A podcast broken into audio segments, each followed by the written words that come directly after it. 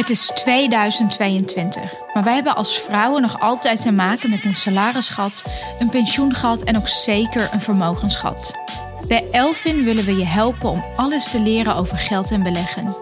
In deze serie vraag ik doorgewinterde beursgoeroes het hemd van het lijf. Ik ben Puk en welkom bij Elfin.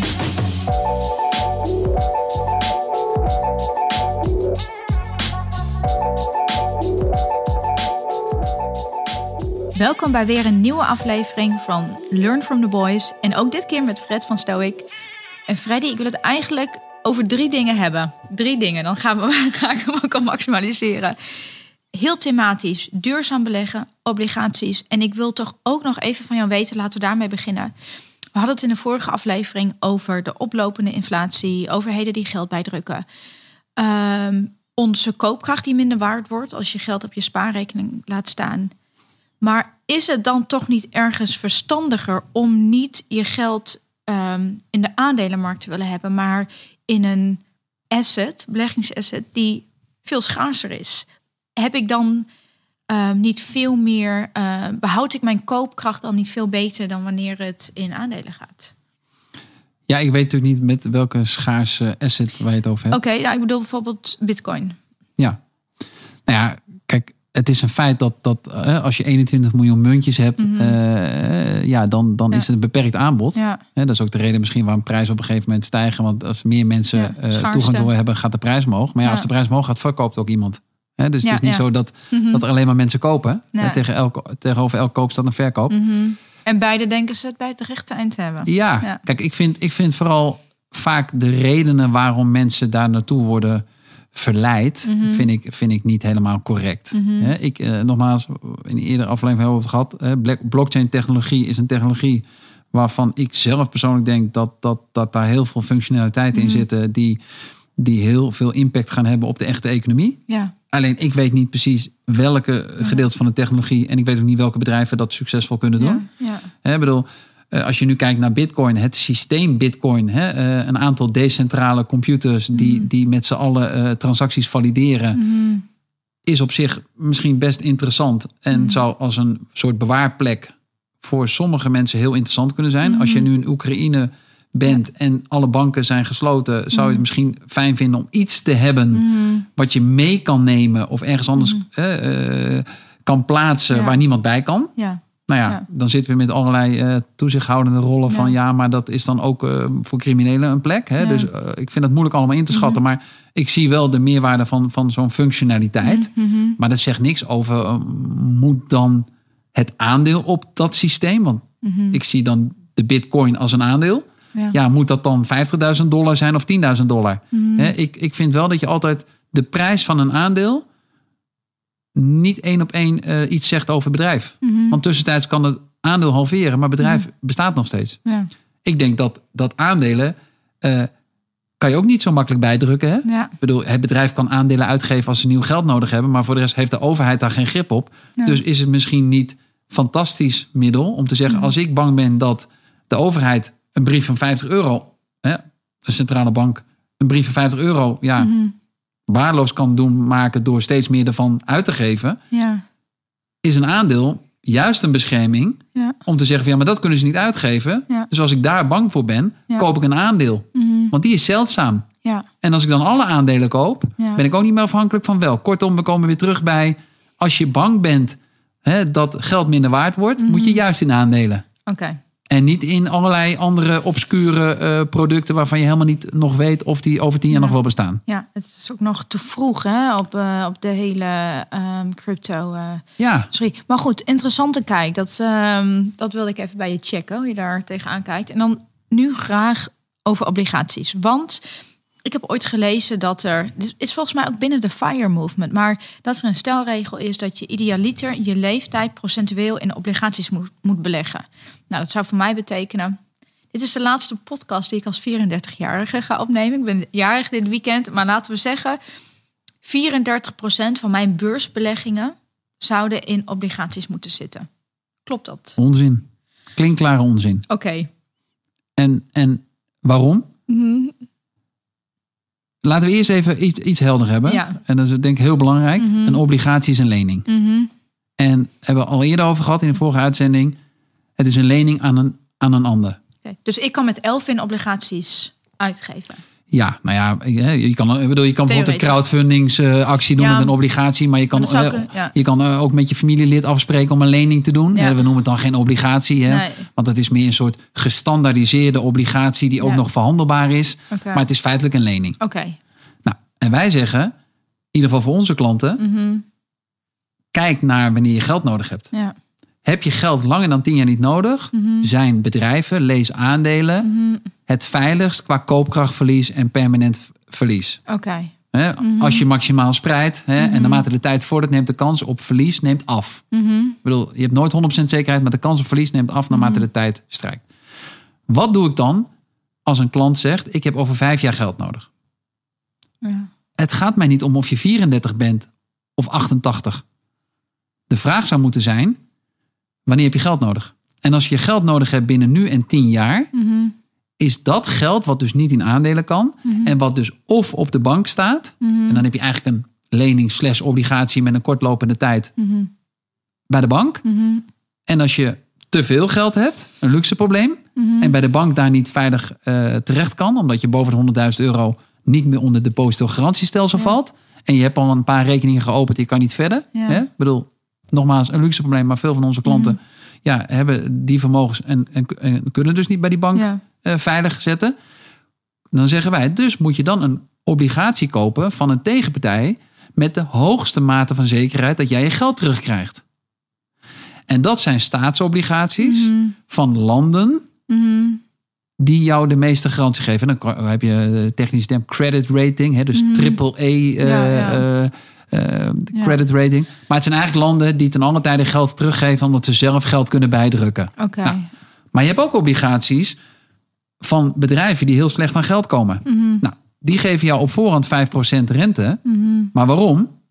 Als het fout gaat met het bedrijf, mhm. kan het wel eens zijn dat ze helemaal hun lening niet meer kunnen teruggeven. Ja. Dus wij zeggen dat soort leningen moet je eigenlijk helemaal niet willen. Want, want een lening sluit je af omdat jij over vijf jaar gegarandeerd bij je geld wil.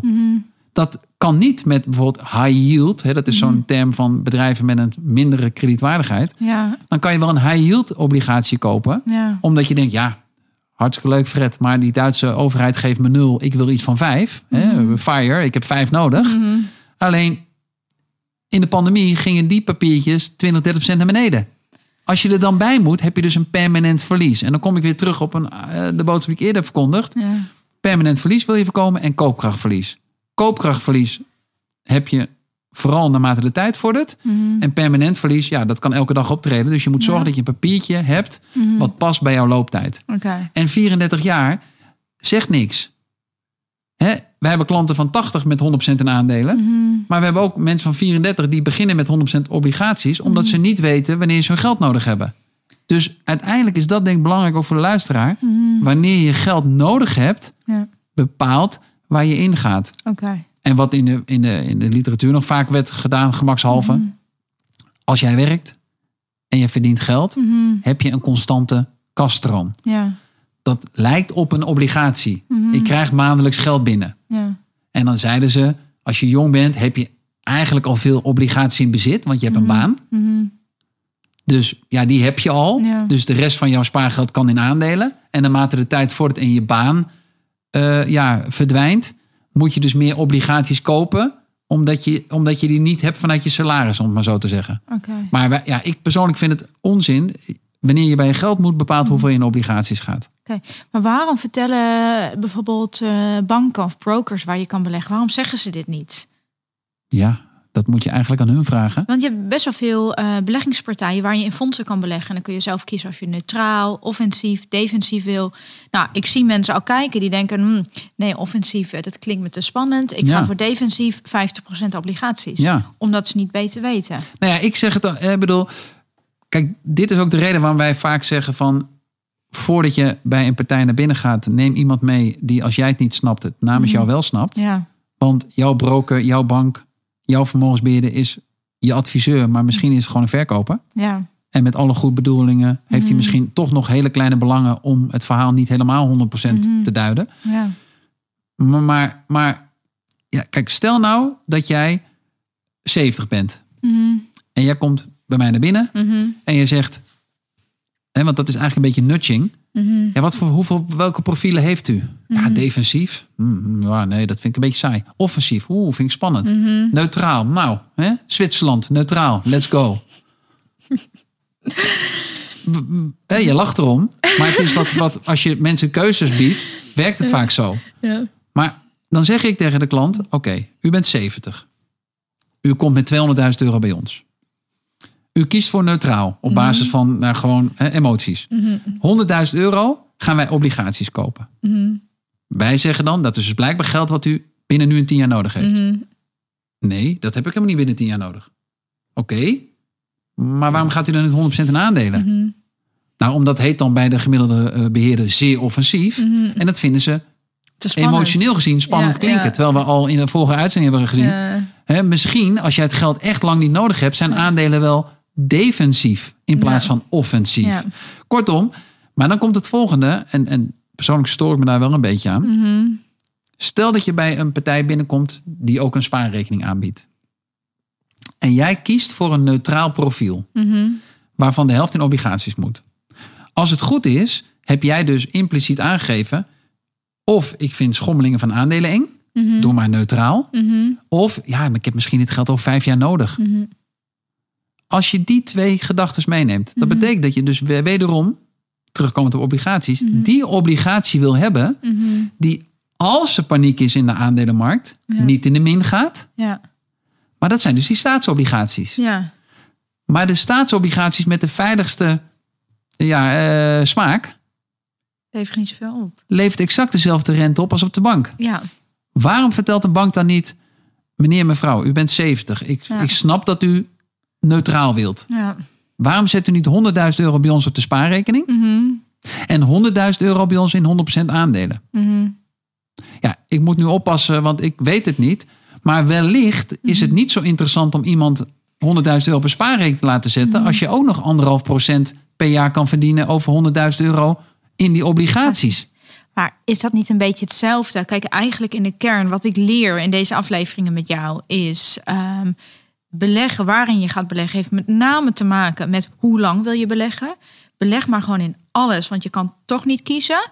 En houd emotie buiten de deur. Tenminste, dat, dat lees je van je. Want als je kijkt op de gemiddelde broker-app, die doen niks anders dan jou verleiden om zoveel mogelijk te handelen. Ja. En daarom hebben wij dus- bijvoorbeeld nog geen app. klanten zeggen bij ons, ja, ik wil een app. Ik zeg, en dan elke dag kijken. En de ene dag heel blij zijn en de andere dag niet. Onze klanten bellen bijna nooit. En als ze bellen, zijn ze hun wachtwoord kwijt. En dan krijgen ze mij een hele grote duim omhoog. Want dan zeg ik heel goed, niet kijken. Mhm. Want het wordt ze niet makkelijk gemaakt. Hè? Ik zou het liefst een app hebben waar als iemand twee keer inlogt... dat hij een yoga-app krijgt. Of een meditatie-app. Zo van, joh, niet kijken naar je, naar je spaarrekening. Want kijk, daar gaan we weer. Niet kijken, niet kijken, niet hoe vaak, kijk, hoe vaak kijk jij nou naar je spaarrekening? Nou, ik laatste tijd best wel vaak, want er wordt heel vaak van overgeboekt naar mijn, naar mijn betaalrekening. Ja, maar, maar, maar, even gemiddeld genomen, hoe vaak kijk je naar een spaarrekening? Ja, niet, niet, niet zo vaak. Nee, eigenlijk uh, uh, nooit. Nou, hè, vroeger had je nog die man die dan die reclame die belde toen die miljonair was. Dan belde je even nog op naar je spaarrekening om, om het saldo te horen, weet je wel? Omdat je dan ingesproken kreeg dat je dacht van wauw, zoveel heb ik. Mm. Maar je kijkt bijna nooit, gemiddeld denk ik dat ook voor de luisteraars geldt, je kijkt bijna nooit naar je spaarrekening. Ja. Maar zodra je dus gaat sparen in aandelen, ga je mhm. elke minuut van de dag kijken. Ja. Dat is gek. Ja. ja. Dus een makelaar, ga jij vertellen, beste makelaar, over tien jaar ga ik mijn huis verkopen. Mm En vervolgens komt die makelaar elke minuut jouw pad op om je even een tussentijdse tussenstand te geven van, je, van de waarde van je woning. Ja. Dan jaag je hem van je erf af. Ja. Maar met aandelen ga je elke dag kijken. Het is ridicuul, het is compleet uh, tijdsverspilling. Mhm. En het leidt alleen maar tot emoties, waardoor je mhm. sommige dagen je heel blij voelt, mhm. terwijl je niet rijker bent geworden. En andere dagen heel verdrietig bent, terwijl je niet arm bent geworden. Nee. Maar is dit niet het allermoeilijkste van überhaupt goed zijn met je geld en goed zijn met sparen en wat voor producten dan ook? Het is allemaal best wel rationeel en redelijk, maar wij als mens zijn dat gewoon niet. Nee. En daarom ieder geval, en dat moet geen, uh, het moet geen reclame voor worden. Maar iemand ertussen zitten die ervoor zorgt dat jij niet kijkt, is waardevol. Mhm. Maar dat is natuurlijk heel verwarrend, want mensen die willen vaak iemand mhm. hebben die namens hun heel veel dingen gaat doen. Ja. Maar niets doen is het beste. Alleen je kan het vaak als, als consument zelf wat moeilijker. Mhm. En de wereld maakt het je niet makkelijker door al die apps en al die goeroes en al die kranten en media. Nee, nee. Oké. Helder verhaal. Eigenlijk dus gewoon beleggen en de app van je telefoon afgooien. Ja, nou ja, ik denk dat de, de, de meest succesvolle, als we weer hebben over Bitcoin, de meest succesvolle uh, Bitcoin mensen, mensen die een wachtwoord kwijt zijn. Mhm. En volgens mij was ooit een keer bij een andere gast van jou, hè, de meest succesvolle beleggen waren gepensioneerden die dood waren. Ja, de dode beleggers. Snap je? Ja, hoe morbide ook. Maar niets doen is gewoon het, is, is, is, het, is het verstandigst. Oké, nog één vraag. Duurzaam beleggen. Want ik weet, veel vrouwen in de Elvin community en ook ikzelf vind het heel erg belangrijk om met integriteit te beleggen, om impact te maken met mijn geld. Um, om enerzijds rendement te maken, koopkracht behoud, maar anderzijds ook wat goeds te doen voor deze wereld. Dus duurzaam beleggen is best wel in trek. Uh, maar ik weet dat jij daar een, um, ook een visie op hebt. Absoluut. Kijk, ik, uh, ik denk dat wij hetzelfde hebben. De wereld wil je beter achterlaten. Mhm. Je wil goed doen voor de wereld. Dus die intentie is goed. Maar als je nou weer terugkomt op die plastische benadering, zoals wij kijken naar, naar, naar onze wereld. Mhm. Het aandeel koninklijke olie mhm. wordt verhandeld op de beurs. Zodra jij zegt, ik wil hem niet hebben, verkoop je hem aan een ander. Ja. Is er op dat moment iets veranderd aan het bedrijf koninklijke olie, aan de CO2-uitstoot? Nee, ik denk dat dat verandert pas als mensen besluiten niet meer met de auto te gaan. Nou, dus de stoïcijnse manier waar wij er weer op kijken, maak je dingen, maak je druk om dingen waar je grip op hebt. Ja. Dus als consumenten besluiten geen olie meer te gebruiken, mhm. zal het bedrijf Koninklijke Olie in zijn huidige vorm mhm. straks niet meer bestaan. Ja. Dus door onze eigen gedragingen mhm. veranderen we de wereld. Ja. Nou, wij zeggen dan, maar kan jij op voorhand, je hebt er al, eigenlijk heb je er al geen invloed op. Hè? Dus mhm. als je koninklijke olie, of je het nou wel of niet hebt, het is niet dat jij het klimaat op dat moment beïnvloedt. Maar kan je van tevoren een voorspelling maken welke bedrijven mhm. op het gebied van duurzaamheid, en dat is een breed begrip, hè, het milieu, maar ook de sociale omstandigheden, mm toezicht op bedrijven, hè, ESG noemen we dat dan. Ja. In hoeverre heb jij daar invloed op? Nou, is het dan niet verstandig om alsnog alle bedrijven te kopen? Mhm. Ook de bedrijven waarvan we misschien nu wel eventueel vinden dat ze niet duurzaam zijn. Mhm. Waarbij ik ook nog, ik heb zelf een opleiding gedaan, een, een CFA-opleiding op duurzaamheid. Dus mhm. ik, ik heb ervoor doorgeleerd. Mhm. Maar de conclusie was wel in die hele opleiding, er is nog best weinig data om met 100% zekerheid te zeggen dat bedrijf doet het echt beter dan dat bedrijf. Ik vind ook zelf persoonlijk dat de overheid daar een belangrijke rol in speelt. Ik vind, je mag het koninklijke olie niet kwalijk nemen dat ze olie uit de grond halen maar ze moeten zich wel houden aan de spelregels. En ik denk dat de overheid ervoor moet zorgen dat ze zich houden aan milieuregels, mm. arbeidsregels, et cetera. Mm. Maar je kan ze niet kwalijk nemen dat ze olie uit de grond halen. Mm. Dat kan je ze ook niet verbieden. Maar kan je op voorhand inschatten welke bedrijven uiteindelijk binnen deze 11.000 waar we het vorig jaar over gehad hadden, mm-hmm. welke de transitie maken naar een andere, hè, een andere eh, energieoplossing? Het op, op voorhand uitsluiten is risico toevoegen. Want je weet niet of jij wel de bedrijven uitsluit die het, die het wel of niet goed gaan doen. Het enige wat je, naar onze mening, daarmee doet, mhm. is zeggen, en dat is op zich helemaal niks mis mee. Mhm. Ja, ik wil niet dat in mijn kluis mhm. een papiertje ligt van dat bedrijf. Ja. En dat noem je dan verantwoord beleggen. Dat is een, een voorportaal van duurzaam beleggen. Want dan gaan we weer terug naar wat jij terecht aangaf, impact. Als ik het aandeel Koninklijke Olie wel of niet koop, ja heb ik geen impact. Want het bedrijf krijgt geen geld van mij. Een andere, ik noem het maar weer spaarde, hè, mm. belegger krijgt geld van mij. Ja. Dus waar kan je het meeste impact maken, mm. is als jij daadwerkelijk geld aan een bedrijf geeft. Ja. Dus zodra een bedrijf naar de beurs gaat, zou iemand kunnen zeggen, nou, dat wil ik niet. Mm. Hè, dus je krijgt van mij geen geld. Ja, en dan zal die moeten kijken van, ja, hey, niemand wil mijn, mijn aandeel hebben. Moet ik niet een ander product gaan maken? Ja. Of als iemand geld komt vragen, mm nou, dan kom je op die obligatiemarkt. Mhm. Ja, dan kan je zeggen, joh, als jij geld van mij wil lenen, mhm. prima, maar doe het alleen om te besteden aan waterstof of hè, iets anders. Dan kan je eventueel grip hebben erop. Maar ik denk dat het wel belangrijk is voor ons allemaal om te beseffen, en dan gaan we weer, hè, net als met de FIRE-beweging, er zijn geen shortcuts. Nee. Je eigen gedrag hoe klein ook, mhm. als we met z'n allen dat doen, mhm. dan zullen onze klanten merken dat ze straks in hun portefeuille geld verloren hebben in koninklijke mhm. olie. En misschien wel terecht. Maar ze hebben ook al die andere bedrijven die blijkbaar de transitie wel hebben overleefd. Ja, Kortom, door alles op dag één te kopen, ontloop je die onzekerheid over: ben ik nu niet aan het gokken welk bedrijf wel of niet? En laat ik me dan eens focussen op de dingen waar ik grip op heb.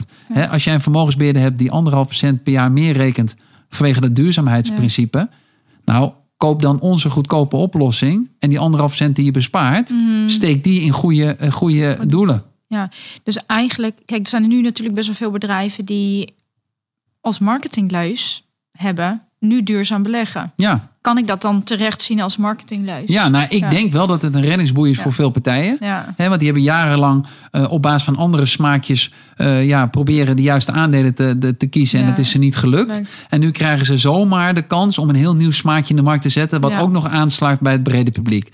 En nogmaals, wij binnen ons bedrijf doen we alles eraan.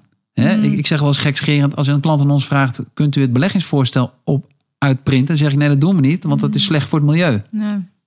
Dus iemand die een duurzaam uh, voorstel wil hebben, maar ondertussen met de auto bij ons komt uh, uh, om een gesprek aan te gaan en vervolgens een, een, geprinte versie meeneemt, dan denk ik, ja, mm. als je, als je niet met de trein was gegaan, maar we mm. hadden via Teams dit gedaan en we hadden digitaal opgestuurd, hadden we per direct een bijdrage geleverd aan een beter milieu. Ja. En ik denk dat daar de focus veel meer op moet liggen dan, dan dat andere, omdat, en vooral bij aandelen, je op korte termijn niks verandert. Ja.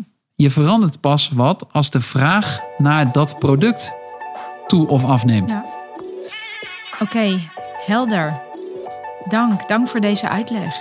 Ja, graag gedaan. Ehm, dank Freddy voor uh, jouw super fijne bijdrages aan deze podcastserie en YouTube-serie.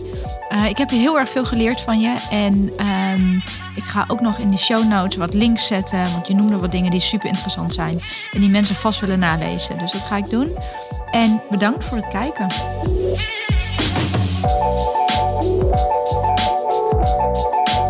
Wil jij ook alles leren over geld en beleggen? Ga naar thisiselfin.com en sluit je gratis aan.